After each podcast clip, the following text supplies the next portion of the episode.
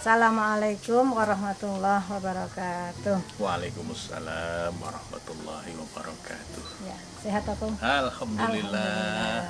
Ya, sehat, gemuk. Gemuk. Oke, Gong.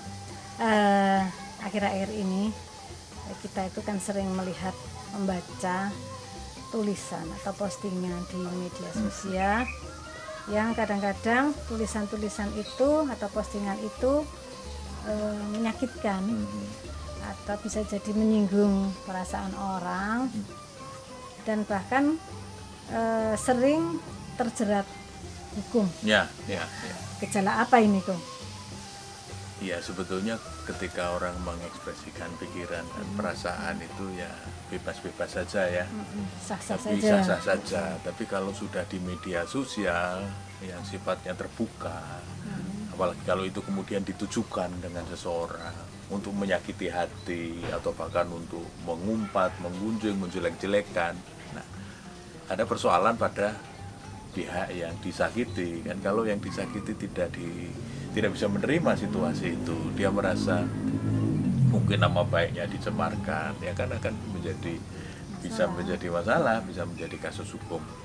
Tidak sekedar ada problem dalam relasi mereka berdua tetapi yang sering kali tidak diduga adalah status atau tulisan yang ada di media sosial itu. Karena mungkin bahasanya terbuka tidak mengarah kepada nama tertentu malah salah sasaran. Ada yang tersinggung itu malah orang lain yang Orang lain, sebetulnya itu oke. tidak dimaksudkan Untuk untuk dia. yang bersangkutan. Eh, tetapi malah dia merasa oh ini tulisan ini ditujukan untuk saya. Jadi ada orang yang baper dengan tulisan itu dia merasa menyinggung harga dirinya atau menyinggung apanya di hadapan publik itu kan menjadi tidak nyaman. Nah, makanya memang akhlak bermedia sosial itu penting. Ya. orang harus memegang etika.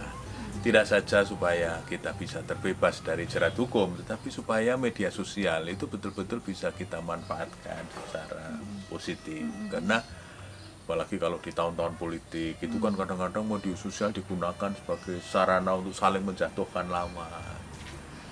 Tentu sangat tidak tidak produktif.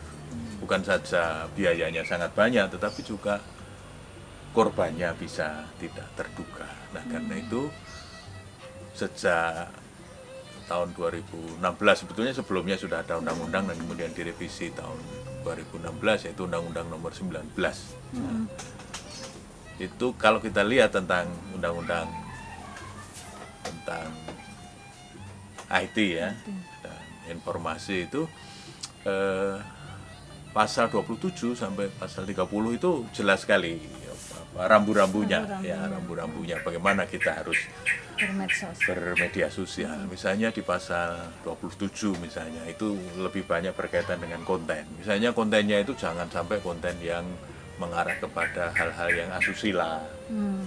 yang tidak bermoral. Kemudian tidak boleh juga kontennya itu berupa perjudian Hmm.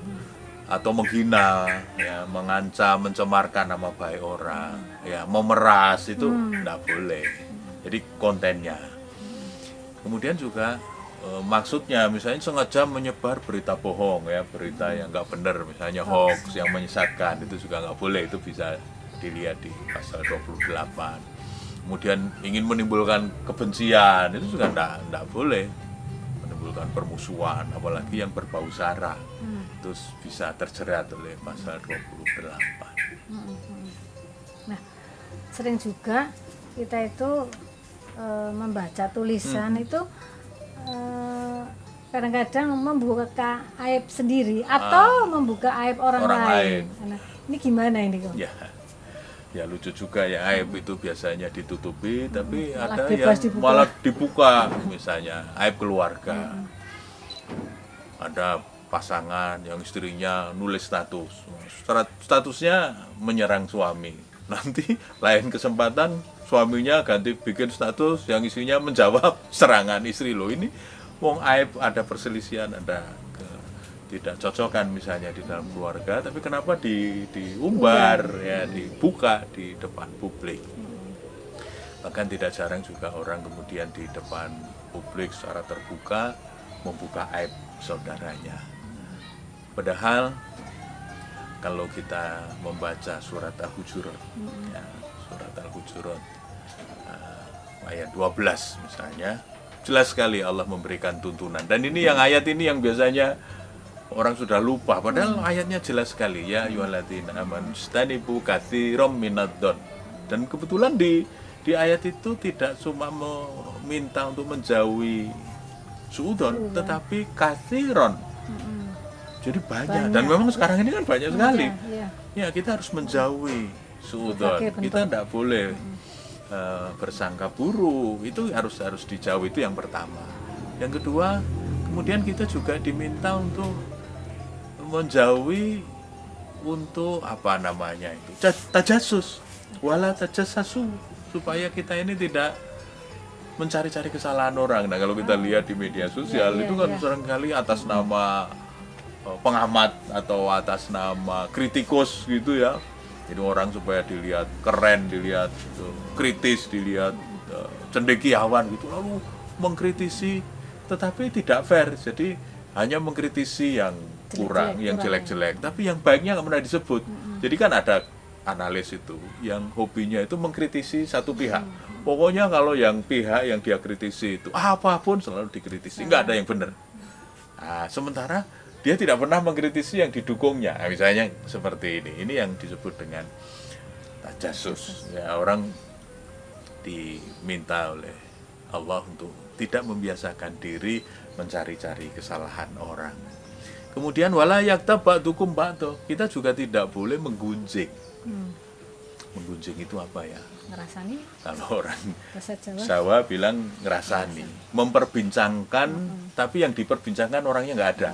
Kan suka orang ya kalau dalam forum gitu kemudian memperbincangkan temennya yang lain yang kebetulan tidak hadir di forum itu.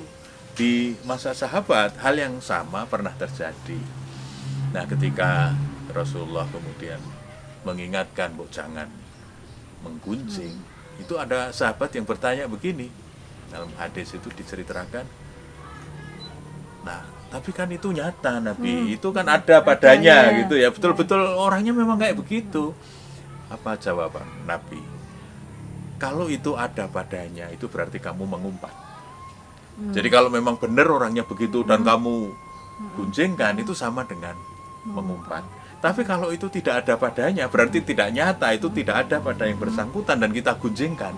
Kata Nabi, kamu menghasut.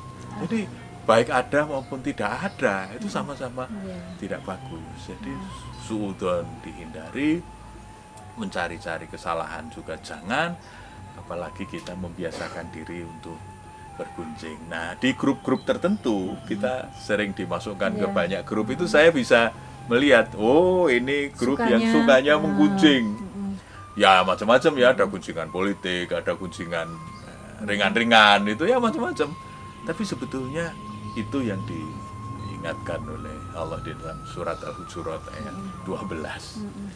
Jadi kelihatannya ayat ini sekarang semakin penting untuk harus sering-sering dibaca untuk mengingatkan kita semua bahwa hati-hati kalau mau bermedia sosial ada surat Al-Hujurat ayat Iya. 12. Iya, iya, betul. Ya. Berarti ada etikanya ya, Ah, ada akhlaknya Etika- kan Iya. Mhm, ada etikanya betul bermedia sosial yang bagus itu ada tata caranya ada etikanya karena kalau orang tidak dilatih dengan etika bermedia sosial kadang-kadang tidak menyadari kalau cara dia bermedia sosial itu Kurang tidak pas jadi contoh misalnya ada mahasiswa itu yang WA-nya begini Bapak hari ini ke kantor nggak? Saya mau ketemu. Wah ini ini bos Bos. bosnya yang Bosnya mana ini? Oh, bapak hari ini mau ke kantor nggak? Saya mau ketemu. Oh iya. Ada juga yang sudah janjian, misalnya ketemu jam 9, kebetulan jalan macet, kita jam 9 belum nyampe. Ada juga yang kemudian WA Sampai di mana? Bapak posisi di mana? Saya sudah di kantor Bapak dan Bapak tidak ada. Wah, ini kan so- soal ya substansinya betul, tetapi kan caranya, Caranya. pilihan katanya kemudian menjadi tidak santun ketika itu disampaikan kepada orang, Orang yang tua lebih yang lebih tua, apalagi itu gurunya misalnya. Maka beberapa saran sederhana pertama kontennya yang benar. Jadi jangan sampai menyebarkan berita bohong, apalagi kebencian, permusuhan, mengancam, sebagainya. Jangan bikin konten yang benar. Syukur benar dan menginspirasi. Jadi yang dibagi ke itu ya yang menyenangkan, yang membuat Yang orang ya. bisa terinspirasi gitu. Jangan jangan curhatnya malah di media sosial. Nah, yang kedua kemudian gunakan kata-kata yang bijak ya, yang santun, jangan kata-kata kasar dengan mengumpat. Apalagi kalau dengan lawan kemudian kata-kata saya menjadi tidak terkendali. Maka. Iya penuh dengan kebencian. Jangan gunakan kata-kata yang bijak itu penting.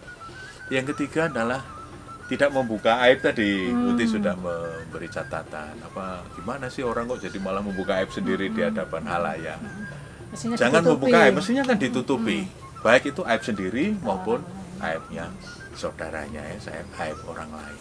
Bahkan di dalam hadis Muslim Rasulullah mengatakan man satara musliman satarahullahu yaumal qiyamah. Jadi kalau kita ini punya kebiasaan menutup aib saudaranya, itu Allah akan menutup aib kita nanti di hari kiamat. Masya Allah itu luar biasa. Kalau Allah kok menutup aib kita ya Allah itu artinya Allah mengampuni kesalahan-kesalahan kita.